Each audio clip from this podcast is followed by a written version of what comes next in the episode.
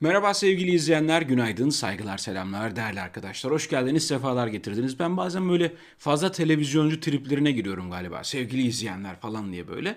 Ee, e, yaptığımız şey tabii ki televizyonculuk ama o bildiğimiz anlamda klasik televizyonculuk olmadığı için hani YouTuber'ların e, üslubuyla mı konuşmalıyım yani YouTuber mı olmalıyım yani? Merhaba arkadaşlar kanalıma hoş geldiniz. Yeni bir video ile karşınızdayım. Videolarımı beğenmeyi unutmayın falan diye mi girmeliyim? Arada kalıyorum yani. Siz, aslında yok size bir şey sor, sormuyorum yani. Sizi bir e, soruyla daha e, şey yapmak istemiyorum. Yükümlülük vermek istemiyorum. Sadece kendi kendime böyle aklıma geldi. E, nasıl bir giriş yapmalıyım diye kendi kendimi tartıyorum. Bakalım öğreneceğiz. Hepsi hepsi olacak. Daha iyi, iyiyiz şu an değil mi? Geldiğimiz nokta itibariyle kendi adıma, yayıncılık adına ulaştığım nokta benim için güzel, iyi yani. İyi buna şükür. Ya valla yani ilk başlarda neler neler. Şimdi aranıp ya nasıl canlı yayın yapılıyor diye sorulan insana dönüştüm. Geldiğimiz noktada. Teknoloji acayip. Ee, bu iyi, iyi bence. Bir tür bağımsızlık veriyor. Birçok insana bağımsızlık veriyor. Tabi bunu doğru değerlendirmek lazım. Şimdi sevgili izleyenler bugünkü yayının başlığını gördünüz. Herkes kendini korusun, herkes kendine dikkat etsin. Neydi o laf? Vaziyet alın ortalık karışacak var ya. Aslında hani bunu benim söylememe gerek yok. Aşağı yukarı her insan e, neler olduğunu, nasıl bir tehlikenin geldiğini, e, vaziyetin ne durumda olduğunu görebiliyor. E, ben de haberlerden bir derleme yaparak böyle bir özet oluşturmaya çalıştım. Yani nasıl bir durumdayız, neyle karşı karşıya kalabiliriz diye e, size bazı ipuçları vereceğim bu konuda. Yayını şöyle bir Twitter'a bir gönderelim. Oluyor bazen Twitter'dan epey bir izleyicimiz geliyor sağ olsunlar teşekkür ederiz kendilerine. Tabii ki YouTube'a vaktinde gelip saat 10'da program başlayacak diye bekleyip ondan sonra benim sorumsuzluğum yüzünden 10 dakika daha fazla bekleyip buna rağmen bırakıp gitmeyen izleyicilerimin yeri ayrı. Onlara çok ayrı bir değer veriyorum. Sağ olun, çok teşekkür ederim. Gerçekten çok kıymetli. Bu bir latife değil. Ee, zaten ben latife yapmaktan ne anlarım ben şaka yapmayı ne bilirim filan. ee, şimdi şöyle sevgili izleyenler ben şu haberlerimi bir şey yapayım. Yani doğru mu yaptım yanlış mı yaptım onu da bilmiyorum da. Doğru yapmışım aslında. Her şey burada. Tamam güzel. O zaman başlayalım sevgili izleyenler. Şöyle ki Süleyman Soylu Selçuk Özdağ yapılan saldırıyla alakalı saldırılar tepkisel demiş. Bu cümle size neyi hatırlatıyor? Saldırılar tepkisel yaklaşımı size neyi hatırlatıyor? Benim aklıma gelen iki örnek var.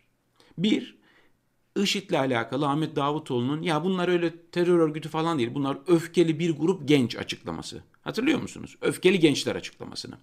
İkincisi de Hrant Dink katledildikten hemen sonra anında sıcağı sıcağına bu bir örgüt işi değil. Yani bu saldırı, bu suikast, bu cinayet bir örgüt işi değil denilmesini hatırlatıyor. Sonrasında köprünün altından ne sular geçti neler aktı. Yani saldırı tepkisel demek küçük nasıl derler önemsiz hale mi getiriyor saldırıyı? Aslında öyle amaç o. Ya bu tepkisel ya herhangi bir yerden yönlendirilmiş, koordine edilmiş, hedef gösterilmiş ki öyle bir şey olduğu zaman örgütlü bir suça giriyor biliyorsunuz. Buna da mafya diyoruz ya da terör örgütü diyoruz. Terör örgütleri böyle yapar. Plan yaparlar, bir hedef belirlerler, saldırırlar. Doğru mu? Saldırtırırlar birilerine vesaire vesaire. İşte e, saldırı tepkisel dediğiniz zaman bir tür e, cila çekiyorsunuz. Ya gençler öfkelenmişler adamın açıklamalarına gitmişler saldırmışlar. Ne var bunda? Yani devletimiz, büyük devletimiz kendilerine gereken cezayı verecektir falan. Verecek midir? O da ayrı bir şey. Tabi bu açıklamayı yapanın Süleyman Soylu olması da insanı ayrı bir tedirgin ediyor. O yüzden kendinize dikkat edin. Herkes kendini korusun diyorum. Çünkü İçişleri Bakanı Süleyman Soylu. Tek başına insanı ürkütmeye, korkutmaya, tedirgin etmeye yetiyor. Normalde kendisinin herhangi bir özelliği yok ama elindeki gücü, elindeki imkanı kötü niyetle kullanırsa Amerikan filmlerindeki harika repliği hatırlayalım. Bu silah yanlış kişilerin eline geçerse, değil mi? Devlet dediğiniz güç, polis dediğiniz güç, değil mi? Yanlış kişilerin eline geçerse şimdi olduğu gibi insanları korumaktan, masumları korumaktan ziyade masumları korkutan, ürküten, tedirgin eden bir hale bürünüyor. Ama suçlular, şunlar bunlar kendilerini acayip güvende hissediyorlar yani. Bir özgüvenleri var hey hey yani böyle kanaat önderi gibi konuşuyorlar. Filozof gibi konuşmalar yapıyorlar. İnsan tedirgin oluyor ister istemez. Gelecek Partisi demiş ki Devlet Bahçeli siyasal ve toplumsal barışı tehdit ediyor. Erdoğan ve AK Parti bir yol ayrımındadır. Bir de böyle hala polyanlacılık oynayanlar var. Yani sanki AK Parti olan hiçbir şeyin farkında değil. Erdoğan normalde hiç böyle kötü şeyler yapacak bir lider değil. Onu oyuna getiriyorlar. Kendisi iyi, çevresi kötü. Erdoğan vesayet altında. Onu da harcayacaklar. Öyle şeyler olacak ki Erdoğan dımdızlak ortada kalacak falan. Aslında bunları Erdoğan yapmıyor. Başka bir güç var filan. E, yani tabii kendinizi bu şekilde kandırabilirsiniz. Yani tabii ki bir tercih. Ama yani bu kadar saf olmanın size bir faydası yok. Saf olmanın bize bir faydası yok. Gerçeklerin farkında olalım. Ülkeyi Erdoğan yönetiyor. İstediği gibi yönetiyor. İstediği gibi kanun hükmünde kararnameler çıkarıyor. İstediğini tasfiye ediyor. İstediğini yüceltiyor. İstediğini terörist ilan ediyor. İstediğini vatansever ilan ediyor. Şu anda onun üstünde bir güç var mı? Ya işte karanlık güçler ben ilgilenmem onunla. Yani imzayı kim atıyor? Mührü kim basıyor? Basmasın, atmasın. Bu kadar mı zor? Bırakıp gitmek bu kadar mı zor? Ya bu kadar kötülüğü isteyerek yapmıyorum ya. Normalde ben bu kadar kötülük nasıl yaparım ama mecburum. Neye mecbursunuz? Yani neye ne yaptığınızda mecbursunuz ya? Ne yaptığınızda mecbursunuz yani? İnsan yani tabii ki yani beni izleyen insanların bu fikre katılmadığını düşünüyorum bu Gelecek Partisi'nin yaklaşımına. Yani yol ayrımındaymış. Yolları ayıran kendisi ya. Nasıl yol ayrımı? O yolları eğen, büken, düğümleyen, ayıran güce, partiye yol ayrımındalar dikkatli olsunlar. Etraflarındaki insanlara dikkat etsinler filan. E o zaman siz AK Parti'den ayrılmasaydınız orada siyaset yapsaydınız da AK Parti'yi yol ayrımında olduğunu düşündüğünüz AK Parti'yi doğru yola doğru itseydiniz bir şey yapsaydınız yani. İlginç. Böyle düşünüyorlar. Yani başlarına gelen genel başkan yardımcılarına yapılan saldırıyı falan böyle yorumlamayı tercih ediyorlar. Tabii bu da bir tercih. Selçuk Özdağ saldıran ülkücü Gülseren Erdoğan günümüzün 3. Üç, üçüncü Abdülhamit'i, ikinci Abdülhamit'i biz indirdik, üçüncüsünü de biz indireceğiz demiş. Ya işte bu eleman tutuklanmış, cezalandırılır, cezalandırılmaz, o olur, bu olur. Bunlar ayrı şeyler. Ama konuşulan şeylere bakar mısınız? Yani kimlerin muteber olduğuna, nelerin bu kadar rahat söylendiğine. Adam rahat rahat Cumhurbaşkanı'nı indirmekten şundan bundan bahsediyor. Bakın o kadar rahat konuşuyor ki. O kadar rahat. Ki bunu işte Instagram'da, şurada, burada, YouTube'da falan kendi aralarında canlı yayında herkesin göreceği yerlerde konuşuyorlar. Ama siz ha, tweet atarken başıma bir şey gelir mi diye korkuyorsunuz. Ama normal vatandaş kendisine uzatılan mikrofona konuşmaya korkuyor. Yani hayat pahalılığı hakkında konuşmaya korkuyor insanlar. Ya ayçiçek ya çok pahalı demeye korkuyorlar. Gece yarısı polis evi basar diye. Gözaltına alınırız, tutuklanırız diye. Yani o kadar dengesiz bir şey var. Normal insanlar korkuyor, düz insanlar, düz vatandaşlar korkuyor ama diğer taraftan ülkenin Cumhurbaşkanı Abdülhamit gibi indirmekten şundan bundan bahseden adamlar ya işte kahraman gibi geziyorlar. Ta ki birbirlerinin kuyruklarına basana kadar. İşte o zaman da ne oluyor biliyor musunuz? Yine olan gariban oluyor. Hani sadece birbirlerini yeseler ve birbirlerini yerken etrafa kıvılcım saçmasalar, etrafa böyle şarapnel parçaları şunlar bunlar dağılmasa, size bize zarar gelmese sorun yok. Ama olan size, bize ve yaşadığımız bizim ülkemize oluyor. Yani efendi efendi kavga da etmez bunlar. Bunlar bir çirkifleştiği zaman, bir çirkinleştiği zaman eyvah. Ortalığı neler götürür neler yani. Maskesiz gezemeyiz ya. Valla yani bunlar birbirlerine şey yapmaya başlarsa yani maskesiz gezemeyiz. Mahir Ünal verdiğimiz mücadele kuru iktidar mücadelesi değil. Evet doğru. Kuru kuru gitmez çünkü o. Öyle olmadığı çok belli. İnsan sadece iktidar mücadelesi verse, yani politika yapacağız, iktidara geleceğiz. Bu kadar çirkefleşmez, bu kadar çirkinleşmez, bu kadar adileşmez. Daha dün, daha dün ya bir buçuk yaşında bir bebeği olan, çocuğu olan kadını tutukladılar. Yani Zaten kadını doğum yaptığı gün de gözaltına almışlar. Doğumhanede gözaltına almışlar. Sonra tutuksuz yargılama vermişler. Sonra tutuksuz yargılamanın sonucunda cezaevine gidecek şimdi kadın. Ceza vermişler. Gidiyor. Öğretmen, matematik öğretmeni bir kadın. Bir tane örnek bu sevgili izleyenler. Bir tane örnek. Siz üzerine bin ekleyin. On bin ekleyin. Yüz bin ekleyin.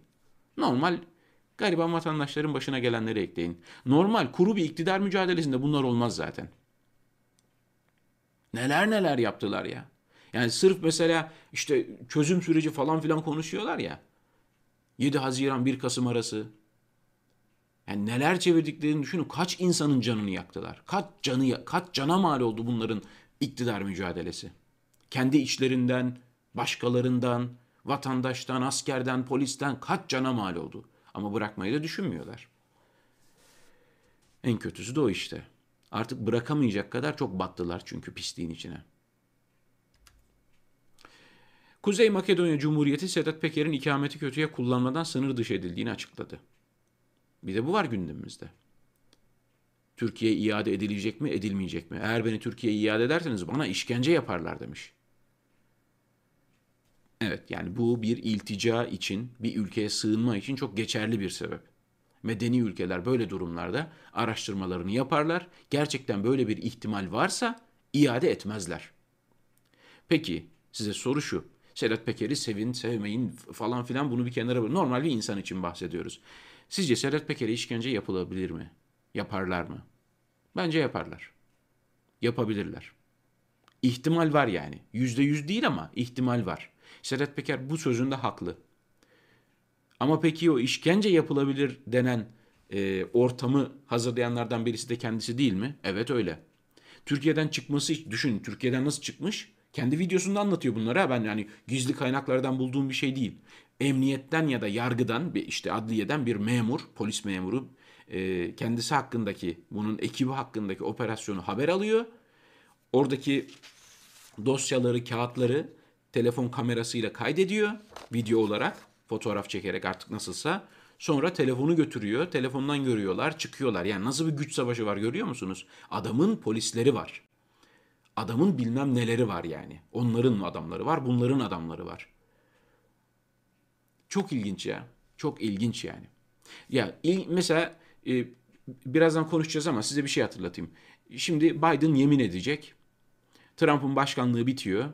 İşte kongre binasını ulusal, ulusal muhafızlar koruyor, polis koruyor. Binlerce asker, polis Washington'a yığılmış durumda. Görüntüleri görmüşsünüzdür. Ve e, on, en az 10 tane ulusal muhafızın aşırı sağ görüşlere sahip olduğu, aşırı sağ gruplarla bağlantısı olduğu gerekçesiyle onları şeyden çıkarmışlar kongre binasından. En az 10 tane. Türkiye'de böyle bir şey olsa, mesela meclisi korumakla görevlendirilen işte askerler, polisler filan böyle bir araştırma yapılsa kaçının aşırı bilmem ne gruplarla bağ bulunur? Yani ne kadar acı ya, ne kadar korkunç bir şey. Yani emniyet güçleri, polis, asker filan diyoruz. Herkesin bir yerlere bağı var ya. Bu çok kötü bakın. Ya bazen şöyle insan kiminin hoşuna gidebilir bu. Ama bizden falan diye. İşte sorun o biz zamiri zaten. Sorun bizde. Herkesin bizi var. Kim güçlü olursa, kim eline şeyi alırsa oraya bizden doldurmaya çalışıyor. Ve kendinden doldurulduğu sürece oraya, kendinden olanlar geldiği sürece bunu sorun yapmıyor. Tek soru şu. Tek soru şu. Elinde olan bu kontrolsüz, bu büyük gücün, elinde çok büyük bir güç var. Hiç sevmediğin birinin eline geçmesini ister misin? Güçlü olmak hoşuna gidiyor. Her şeyi kontrol etmek hoşuna gidiyor. Hiç sorun yapmıyorsun bunu. Düşün bakalım. Elindeki bu bütün bu kalem o kadar güçlü bir kalem ki hiç sevmediğin birinin eline geçmesine ister misin? Hiç kimse istemez. E o zaman e o zaman en küçük memuriyetten tutun da devlet dediğiniz şeyde tamamen liyakatle, tamamen hakla, kazanarak, uğraşarak, çalışarak, alın teriyle, emekle insanlar oralara gelemiyorlarsa, oraya gelmek için illaki bir dayıya ihtiyacınız varsa, illaki mülakatlarda referans göstermeniz gerekiyorsa, e ne oluyor? İşte konjöktür değişiyor, devir değişiyor, güç değişiyor. İşte polisin gruplaşmaları değişiyor. Şimdi nasıl güveneceksiniz? Nasıl samimi söylüyorum. Bu söylediklerimden e, geriye doğru bakarak söylüyorum. Mesela 18 yıllık, 20 yıllık AK Parti iktidarı dahil öncesi İşte 90'lar şunlar bu hepsini dahil hiçbir dönemi bundan hani tenzih etmeden söylüyorum. Her dönemde birilerinin adamları var. Her dönemde birilerinin adamları var. İşte size yakın birileri olduğu zaman hoşunuza gidiyor. İyi güzel ya olsun yani bizim arkadaşlar ne olacak yani falan hoşunuza gidiyor. E sonra devran bir değişiyor. İşte bunlarla karşılaşıyoruz. O onun adamı, o onun adamı. Yani işte Berat Albayrak onu harcamak istemiş. Süleyman Soylu ona sahip çıkmış ama diğer taraftan bilmem ne o öyle yapmış falan. Diğer taraftan bakın bunları konuşuyoruz bak. İşte mafya liderleri, onlar, bunlar, bunları konuşuyoruz. Diğer taraftan Atilla Taş ya. Atilla Taş. Bizim Atilla yani.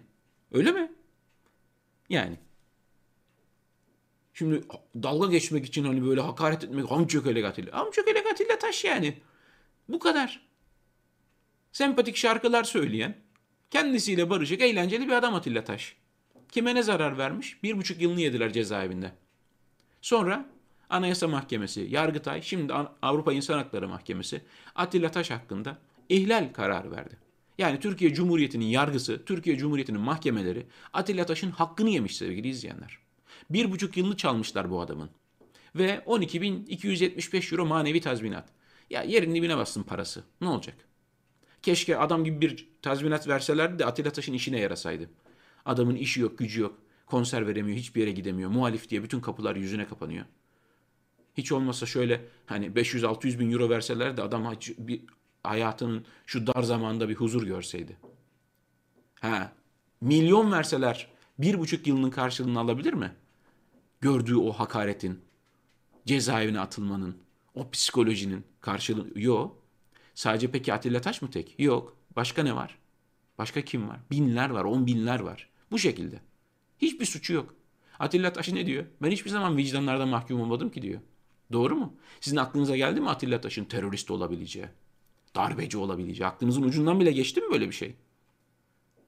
Yok. Ama Atilla Taş gibi normal, düz, bu ülkenin vatandaşları kimsenin tavuğuna kış dememiş, kimsenin malına göz dikmemiş, kimseye kötülük yapmamış, hiçbir suça bulaşmamış insanlar ne muamelelere maruz kaldılar. O yüzden insan korkuyor. Keşke adam gibi bir tazminat verselermiş gerçekten yani. Hiç olmazsa insanlar biraz rahat ederdi. Ama her, her şeyden öte, her şeyden öte bir insanın masumiyetinin bu şekilde bir daha güçlü bir şekilde ispatlanmış ve altının çizilmiş olması çok önemli. Şimdi biz bu mahkemelerin, Türkiye'deki mahkemelerin e, arada sırada adil yargılama yaptığını falan düşüneceğiz yani. Hani bazı konularda öyle bazı konularda böyle. Gel de güven. Yani çok öfkelendiğim bir tweet'i paylaşıyorum şimdi sizinle. Çok çok öfkelendim. Yani Twitter'da elim gitti geldi bir şeyler yazdım ama sonra sildim. Aman dedim hiç gerek gerek değmez yani. Hesabımın Türkiye'de engellenmesine değmez. Ülkemizin vicdanlı evladı Anadolu'nun yürekli sevdalısıydı Hrant Dink. Bu toprakların harcındaydı. Onun alın teri. Kalemi hep kardeşlik için çırpındı. Hain terör örgütü FETÖ Hrant'ı bizden koparalı 14 yıl oldu. Samimiyetini ve Anadolu'ya olan sevdanı her daim hatırlayacağız. Fahrettin Altun. Bir insanın paçalarından yalan akar mı ya? Bir insanın gözlerinden yalan fışkırır mı ya? Bir insanın bütün zerresi şu an ben yalan söylüyorum diye ortalıkta gezer mi ya? Profesyonel bir yalancı var karşımızda sevgili izleyenler. Yani kullandığı bütün ifadeler yalan da. Yani Allah'ım ya Rabbim ya. Resmen resmen katil zanlısı olarak kendini belli ediyor yani. Hemen alta bakın bir haber küpürü aldım. Okuyabiliyor musunuz bilmiyorum biraz küçük geliyor olabilir size.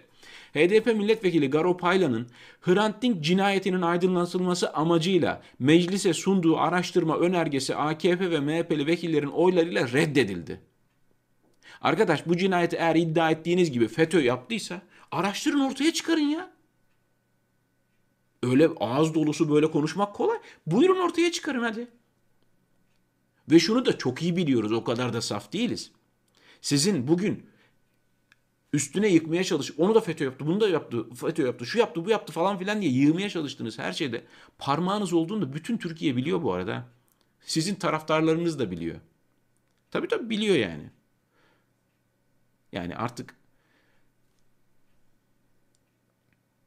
Yani hatırlayın sevgili izleyenler mesela Muhsin Yazıcıoğlu'nun hayatını kaybetmesi. Suikast aslına bakarsanız da konuşamıyoruz işte bir yargı yok yani. E onu da FETÖ yaptı dediler. E ona onu araştırın diyorsunuz ona da kabul etmiyor. Araştırın o zaman.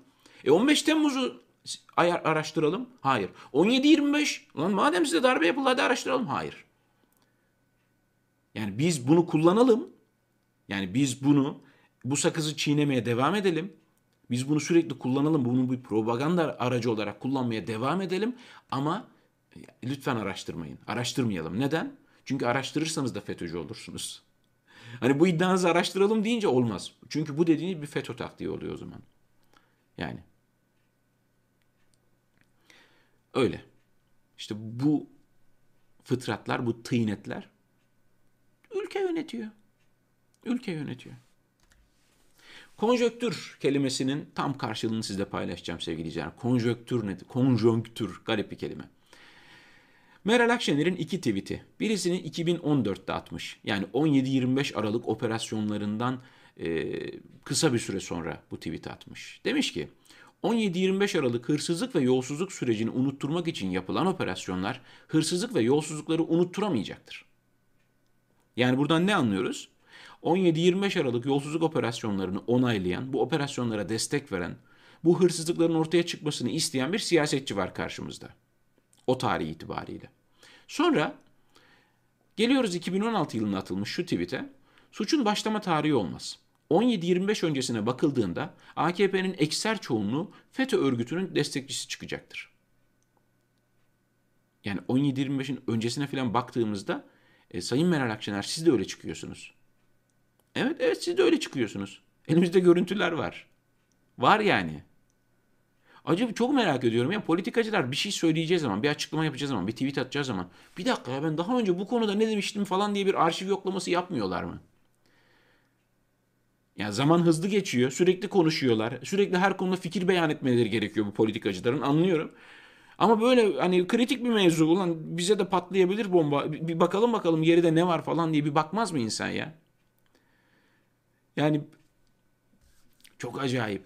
Çok acayip. Bir de Twitter diye bir şey var. Geçmişe yönelik geçmişe dönük araş, arama yapabiliyorsunuz yani. 17-25 yazıyorsunuz. Bak iki tweet otomatikmen çıkıyor.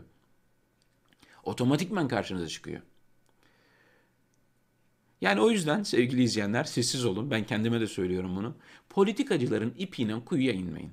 Onların söylem değişiklikleriyle, onların politika değişiklikleriyle, onların yön değişiklikleriyle kendi yönünüzü değiştirmeyin. Kendi yönümüzü değiştirmeyelim aman. Hepimizin bağımsız birer pusulası olmalı. İster bu bir politikacı olsun, ister kanaat önderi olsun, ister bilmem ne hazretleri olsun. Herkesin kendi ayrı pusulası olmak zorunda. Yoksa yamulup kalırız örneklerde görüldüğü gibi. Doğru mu doğru işte yani. birazcık tutarlılık beklerseniz çok çok büyük hayal kırıklığı yaşarsınız. Tabii işin diğer tarafı da şu. Mesela Meral Akşener örneği üzerinden ilerlemiyorum. Mesela işte Devlet Bahçeli örneği var. Mesela Süleyman Soylu örneği var. Ee, ne Numan Kurtulmuş var. Büyük Birlik Partisi'nin genel başkanı Mustafa Destici var. Doğu Perinçek var. Başka kimler var? Yani isim hatırlamaya çalışıyorum. Adli hesabı yok. Tuğrul Türkeş var falan filan. Ya bunlar öyle dönüşler yapıyorlar ki. Öyle dönüşler yapıyorlar ki savrulursunuz yani. Ama kendileriyle beraber peşlerinden gelen yüz binler ya da milyonlar MHP'nin oyunu düşünün falan. O dev dönüşe rağmen peşinden gitmeye devam ediyor. Ya bir dakika ya biz daha dün sövdüğümüz adamla bugün ittifak kurduk. Bu işte bir gariplik yok mu? Hani mesela Devlet Bahçeli'nin 17-25 Aralık'taki tavrının e, Meral Akşener'den farklı bir yanı yoktu yani. Hatta Meral Akşener'den çok daha sertti 17-25 konusunda. Ne diyordu? Ne hortumu, kanalizasyon borularını bağladılar demiyor muydu? İşte ne kadar temizlik şeyi varsa dökeceğim. Tursil, persil bir omo bilmem ne dökeceğim. Sonra falan demi yani o yüzden diyorum yani aman ha aman hani böyle ya ön, hani olur ya işte bir yere gideceksiniz. Mesela İstanbul'a gideceksiniz. Ha bir tane de araba var İstanbul'a gidiyor. Ankara'dan yola çıktınız. Ya tamam ben bu arabayı takip edersem beni İstanbul'da Kadıköy'e kadar götürür diyorsunuz. Sonra bir bakıyorsunuz ki al biz ne ara İzmir'e geldik ya. Yani o yüzden kendi navigasyonunuz, kendi pusulanız olmadıktan sonra böyle takip ederseniz gittiğiniz zannettiğiniz yere varamadığınızı görebilirsiniz. Hani Berlin'e götürüyorum diye sizi yani Şener Şen misali ortada dımdızlak bırakabilirler. Yani öyle. Aklıma geldi söyleyeyim dedim yani. AK Partili Canikli, Türkiye olarak dünyanın farklı coğrafyalarında ihtiyacı olan ülkelere 8,5 milyar dolar yardım yaptık. Şimdi bu tweet'i, bu açıklamayı hemen çok böyle derin hafızanıza atmayın. İnternet çekmeyen köyde öğrenciler EBA için kar altındaki dağ çadır kurdu. Sadece iki haberi birleştirin sevgili izleyenler.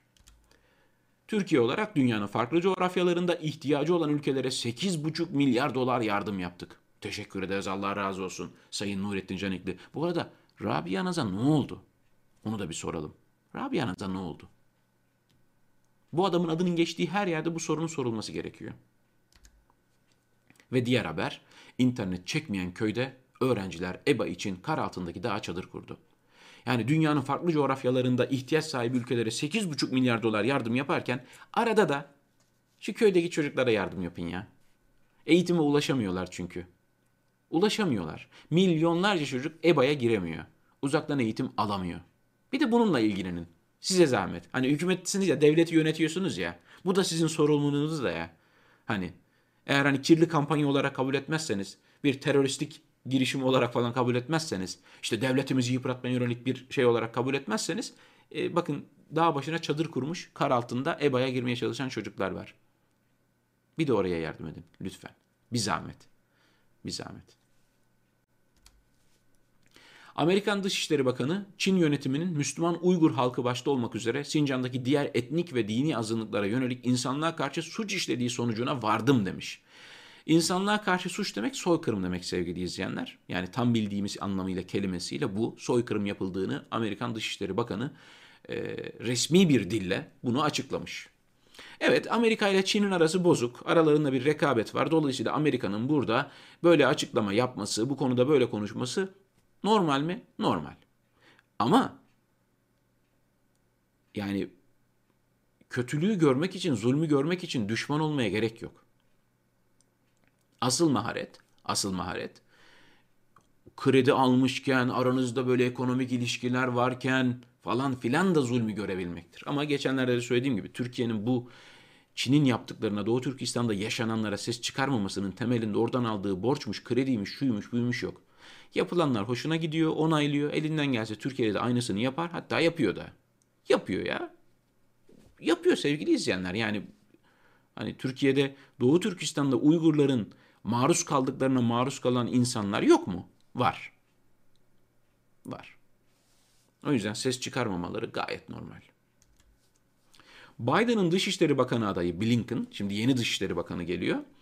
Sözde stratejik ortağımız Türkiye'nin, sözde Türkiye'nin Rusya ile aynı çizgide olması kabul edilemez. Yaptırımların etkisine bakıp yenilerine gerek olup olmadığını değerlendireceğiz. Ya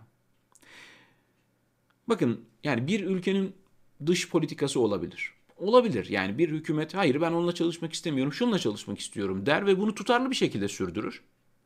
Tutarlı bir şekilde sürdürür, omurgalı bir şekilde sürdürür. Tamam. Tamam deriz ki bu bir tercihti yani. Olabilir. Bu bir tercihti. Ama burada şöyle bir durum var. Bir gün öyle, bir gün böyle. Ey Amerika, ey Rusya, ey Çin, ey bilmem ne, ey Avrupa bilmem ne. Avrupa'ya sövüp sayıp ondan sonra bizim yolumuz Avrupa Birliği'dir falanlar. Amerika ile kavga edip sonra F-35 konusunda acaba aramızda bir şey yapamaz mıyızlar?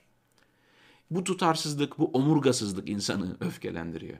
Sonra da bu tutarsızlık, bu omurgasızlık yüzünden gelen vuruyor, giden vuruyor. Tabii. Gelen tehdit ediyor, giden şantaj yapıyor. Niye? E yok gibi duruşun canım. Sen de bir durmadın ki şöyle. Hani o kadar diyorlar ya AK Parti'nin taraftarları, reis sevdalıları dik dur eğilme diyorlar ya. Dik dur ne olur eğilme ya. Bak bak sürekli eğil bak dik dur.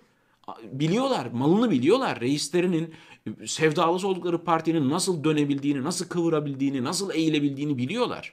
Her durumda, her şartta gün aşırı sık sık bu konuda da herkese ders verdiklerini biliyorlar. O yüzden ne olur bir dik dur eğilme Allah aşkına yani. Bir kez ya. Biz de aynı şeyi söylüyoruz. Ben de aynısını söylüyorum. Dik dur eğilme ya. Dik dur eğilme ne olur yani. Hiç olmazsa herhangi bir konuda. Ama mümkün değil. Trump'tan veda mesajı 10 yıllar sonra yeni savaşlar başlatmayan ilk Amerikan başkanı olmaktan gurur duyuyorum. Herif iç savaş çıkarıyordu. Daha 10 gün önce Amerika'da neredeyse iç savaş çıkıyordu. Bu herifin yüzünden. E bu kadar da rahat konuşuyor. Bizde de var böyleleri. Tabii bizde de var. Sağlık Bakanı Koca mecliste temsil edilen partilerin genel başkanlarının örnek olmak amacıyla aşı yaptırmaya çağırmıştı. Mecliste temsil edilmeyen Vatan Partisi Genel Başkanı Doğu Perinçek de devlet büyüklerine tanınan ayrıcalık kapsamında aşı oldu. Öyle. Valla devlet büyüğü kimdir biliyor musunuz? Çok net söyleyeyim. Şu an bu şartlarda devlet büyüğü dediğiniz doktorlardır, hemşirelerdir, sağlık çalışanlarıdır.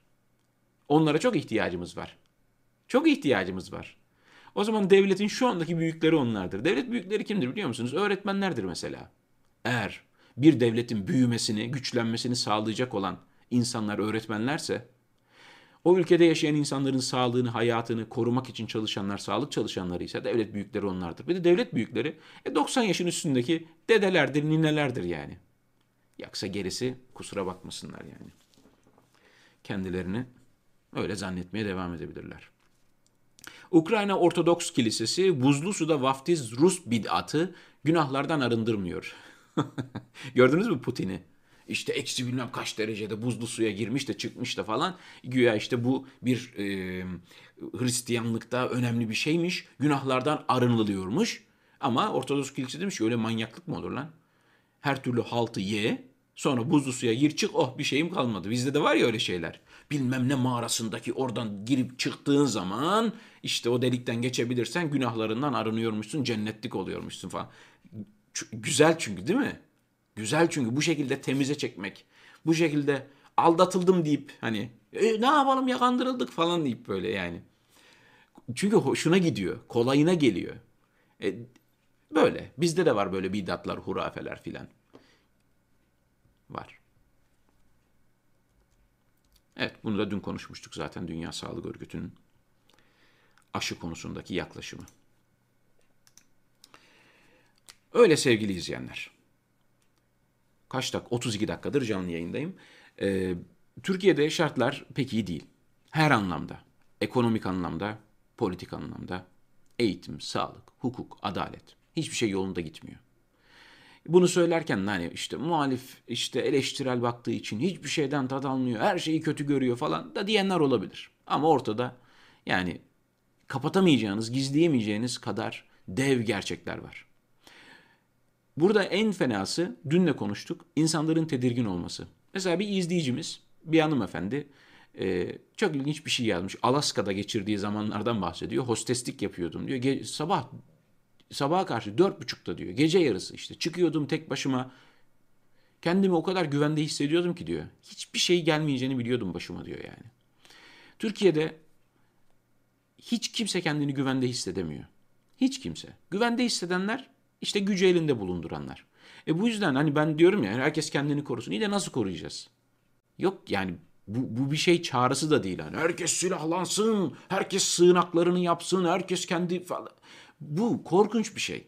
Yani ben en başta hani söylüyorum ya en korkuncu bu. Herkesin kendini korumak zorunda hissetmesi korkunç. Herkesin kendini bir şekilde güvene almayı aman aman hiçbir şey konuşma, söyleme, hiçbir şey yorum yapma. Aman aman falan. Sürekli bu halde insan psikolojisi mi dayanır buna ya? Yok. İnsan psikolojisi buna dayanmaz yani.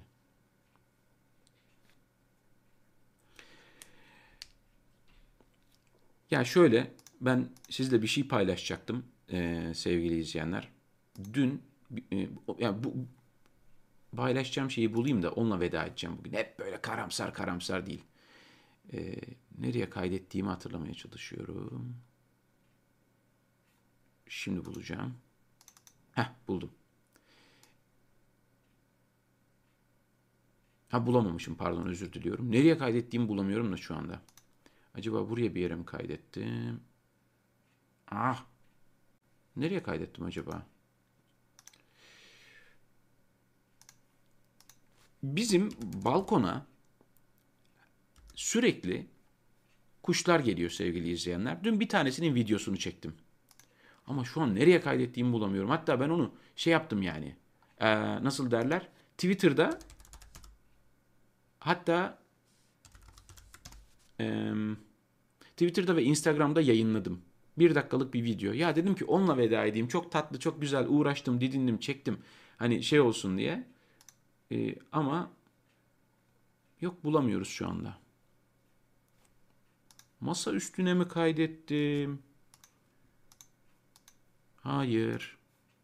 Yoksa Allah'ım yarabbim. Olmadı. Başaramadım sevgili izleyenler.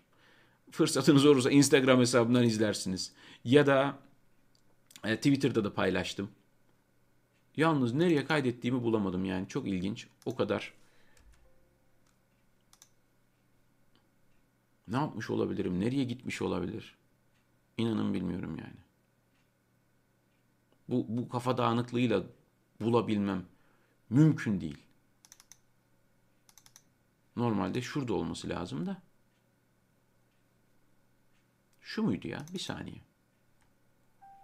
Evet ya aslında bulmuşum ya. Çoktan bulmuşum da. Allah'ım bulduğumun farkında değilim. Sadece adını doğru yazmamışım. Şurada aslında. Evet.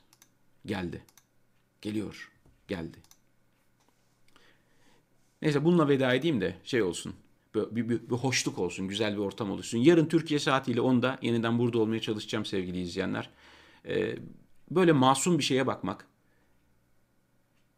bir masum çocuğa, bir bebeğe, masum bir kuşa, masum bir ormana bakmak, gerçekten tertemiz bir şeye bakmak insanın ruhuna iyi geliyor, huzur veriyor. Huzura da çok ihtiyacımız var. Şöyle huzurlu bir görüntüyle veda ediyorum. Yarın görüşünceye kadar kendinize çok iyi bakın. Sağlıcakla kalın. Thank you.